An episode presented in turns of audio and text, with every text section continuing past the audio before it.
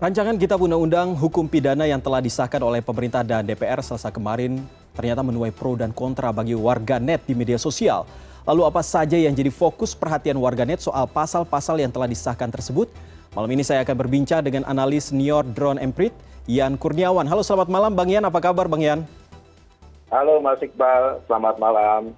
Oke Bang Yan, Uh, ini berbicara soal uh, apa yang sedang ramai diperbincangkan juga di media sosial. Selain soal bom bunuh diri, yeah. ternyata juga soal RKUHP ini yang su sudah disahkan.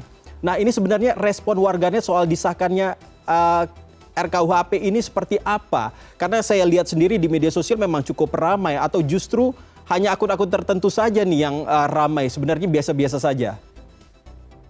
Ya, uh, jadi me memang akun yang muncul itu bisa dikatakan akun publik ya. Uh, kita bisa lihat dari social network analysis itu.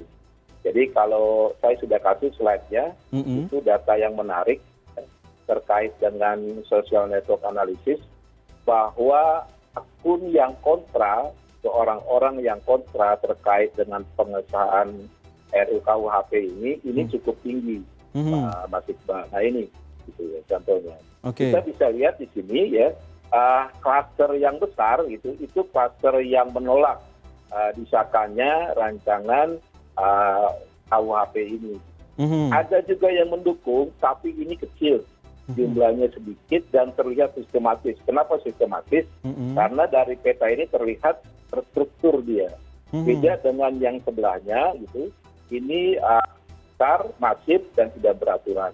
Mm-hmm terus kedua ya kalau kita lihat dari pertarungan hashtag ya kita lihat bahwa hashtag semua bisa kena terus tiba tiba di penjara ini ya. dua hashtag yang mendominasi terkait dengan isu pengesahannya uh, RUU KUHP tersebut.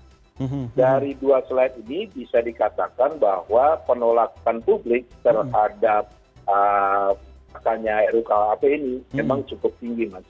Oke. Okay kurang lebih seperti itu.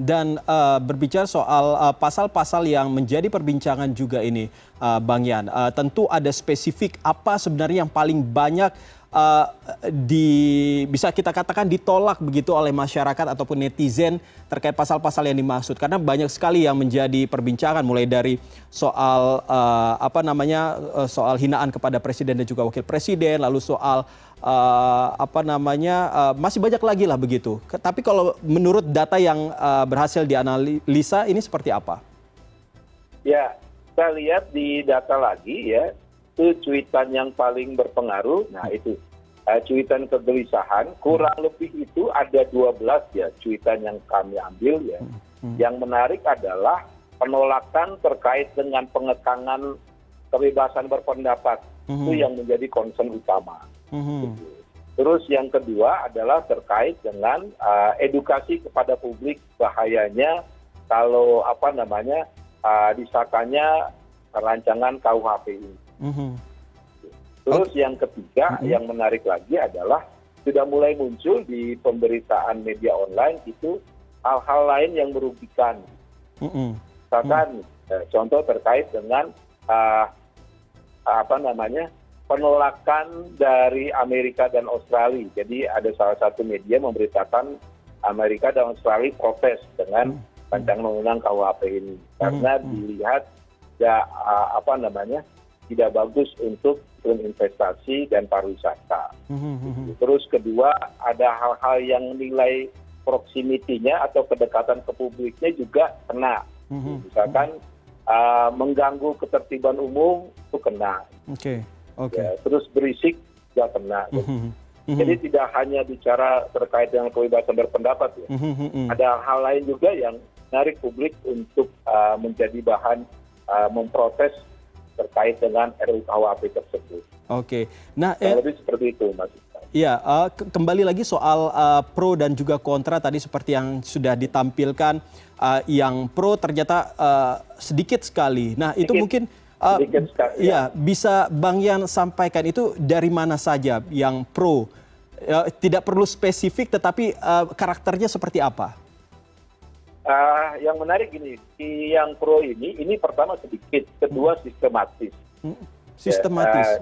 Ya, uh, di slide SNA ya, Social Network Analysis yang peta-peta uh, tadi itu, mm -hmm. ya, itu uh, ini ya, dia paling kanan gitu. Oke. Okay. Ini dia sedikit ini. Terus kedua sistematis sistematis artinya ada satu nih akun yang uh, terkutip menjadi komandonya gitu. Dan di retweet sama akun-akun di sampingnya.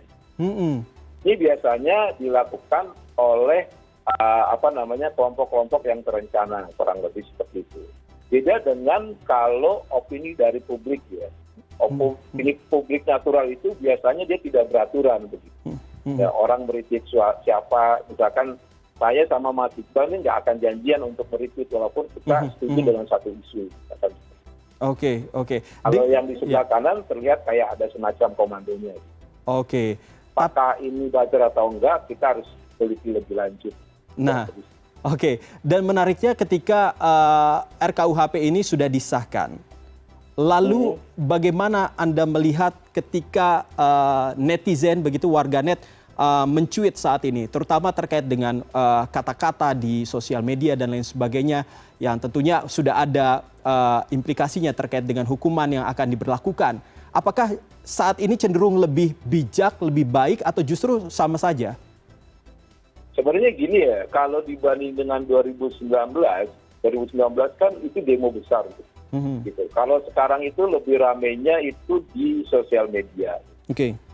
Terus kedua, walaupun tinggi mas, sebenarnya kalau dibanding dengan isu lain, isu penolakan atau isu protes terhadap disahkannya RUKWP mm. ini masih lebih kalah mm. ya, dibanding dengan isu yang lagi hot itu isu gempa ya, gempa yeah. Cianjur dan isu awan panas Semeru. Mm-hmm.